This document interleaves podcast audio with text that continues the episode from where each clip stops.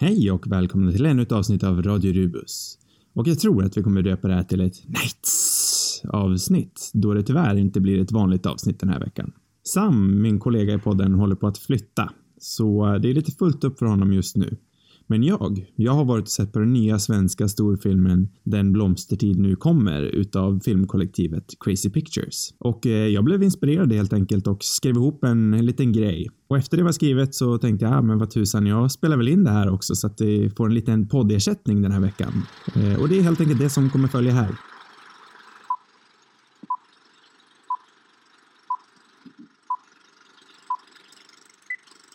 Vad händer när den blomstertid nu kommer med kriget eller krisen?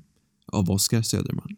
Det svenska filmkollektivet Crazy Pictures har uppnått det som de forna tre vänners absolut våtaste drömmar enbart önskat uppnå. Den säreget, utan tvekan, första riktiga svenska blockbustern.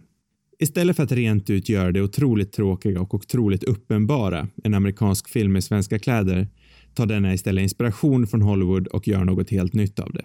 Den blomstertid nu kommer är en svensk film i den sannaste bemärkelsen med allt det innebär. Skillnaden är den hollywoodianska klädstilen. Snabba cash, släng dig i väggen. Den blomstertid nu kommer är en högstidlig, högtidlig film. Trailern var fantastisk och jag såg fram emot att se Filip Berg i en huvudroll. Det visade sig att Filip Berg dock inte hade en huvudroll. Eller en roll överhuvudtaget.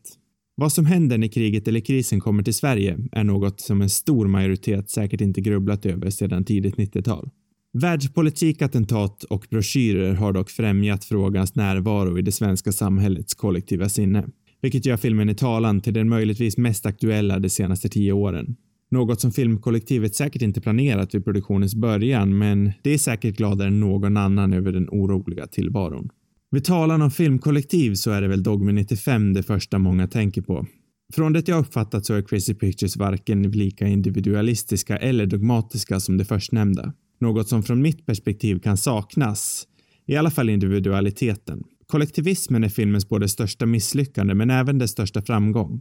Samtidigt som filmens variation av actionscener är djupt uppskattad så bringar det även en brist av fokus. Det kan saknas en känsla av enhetlighet och en blomstertid nu kommer i grund och botten är uppdelad i en serie vignetter med olika handlingsbaserade värden. Vi får följa Filip Bergs dubbelgångare Kristoffer Nordenroths Alex som den tydliga huvudkaraktären i hans resa från olyckligt och osunt barndomshem till ett Avicii-liknande musikunderbarn.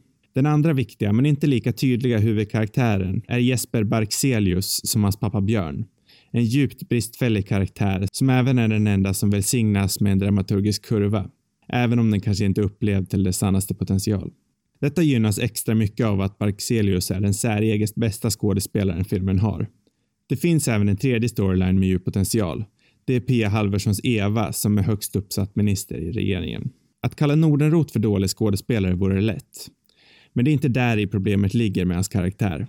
Han spelar Alex i två olika perioder. Den yngre tonåringen från året 2005 och den nutida.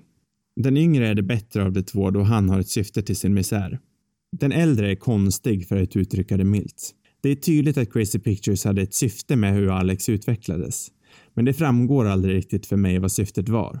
Jag förstår att det siktar mot ett karaktärsdjup som möjligtvis kunde skilts filmen från dess ofta så gott som karaktärslösa amerikanska katastroffilmerna. Men kanske siktar det lite väl högt och föll istället pladask. Jag har funderat i några dagar nu vad det var det ville säga med den konstiga vändningen Alex till slut gör. Men jag kan för mitt liv inte riktigt förstå vad det var det ville förmedla. En tydlig liknelse kan dra mellan Gareth Edwards Godzilla, en film jag tycks mig ha gillat, och En blomstertid nu kommer. Båda katastroffilmer med störst fokus på far och son.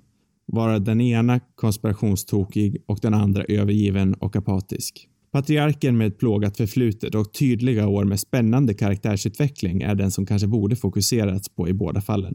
Barkselius är stenhård, underbar och fullkomligt övertygande som en övergiven man. Inte bara av sin familj, men utav staten och hela landet. Hotet av storstan och decentralisering av jobb är överliggande i första akten. Det är en extra emotionell slagkraft när Stockholm till slut faller. Innan var huvudstaden fienden och nu är den tidigare trott odödliga motståndaren erövrad av något ännu starkare än så. Med andra ord, ryssen har kommit. Vilket tar oss till det Crazy Pictures excellerar på. Action. Stockholm faller och det må vara några av de starkaste bilderna denna skribent har sett den vita duken generera på väldigt länge. Nå må det se coolt ut när det vita huset sprängs upp av en blå laserstråle från ett orimligt stort rymdskepp. Men det kommer aldrig för gemene svensk att skapa samma sorts igenkänningsfaktor som när kända delar av Stockholm går upp i rök. Detta vet upphovsmännen och spelar med all rätt väldigt mycket på det. Filmen öppnar med en bild som den säkerligen kommer bli liktydlig med i framtiden. Och ja, jag tror att denna film kommer ha en långvarig framtid. Och trots brister kommer det vara en välförtjänt sådan. Främst på grund av de spektakulära actionscenerna. En scen på en bro involverade bilar i centrala Stockholm är gastande spännande och gjord med otroligt skickligt hantverk. Ljuddesignen är på topp, skådespelet av Halvorsen är passande panikslaget och koreografin är helt klart fantastiskt. Efter det tappar dock hennes handling syftet.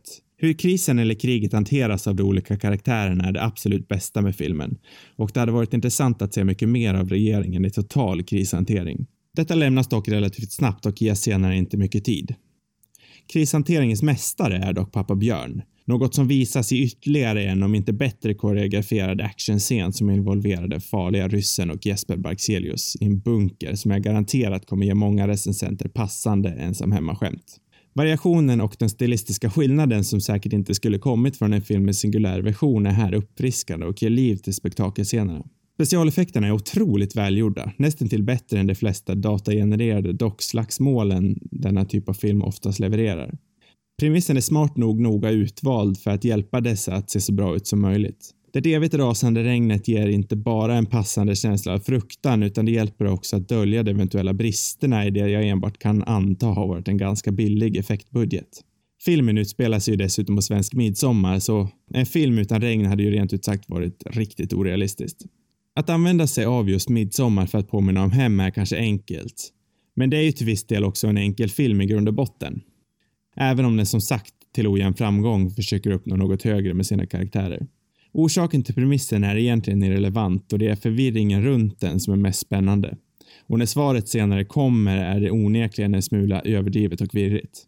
Enkelhet och ett stramare fokus hade uppskattats då all karaktärsutveckling skådisarna belönats i första akten i slutändan kastas bort i form av ett explosionsfyllt klimax som blir nästan till löjligt överdrivet.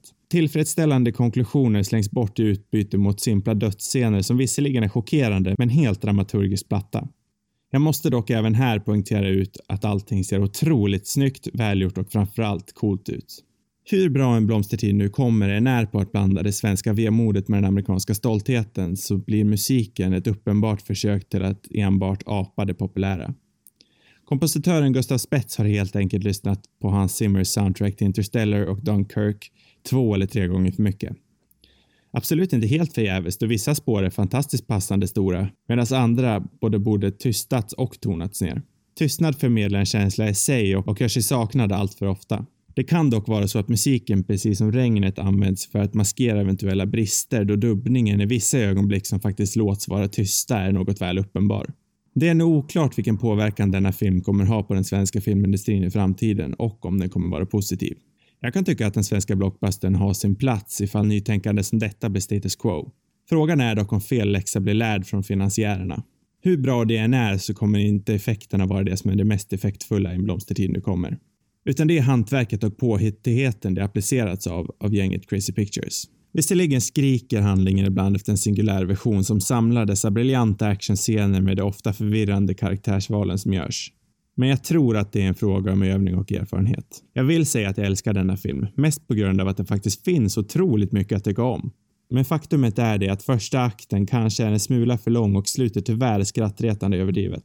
Trots all kritik är detta ett under av en film. Att den faktiskt håller ihop så pass bra som den gör är ett under. Oavsett en kanske lite väl panikslagen sprint mot ett avslut och två timmars sträcket närmar sig så är det utan tvekan alldeles för imponerande för att vara en debutantslångfilm. Även fast jag kanske hade förväntat mig Filip Berg i huvudroll.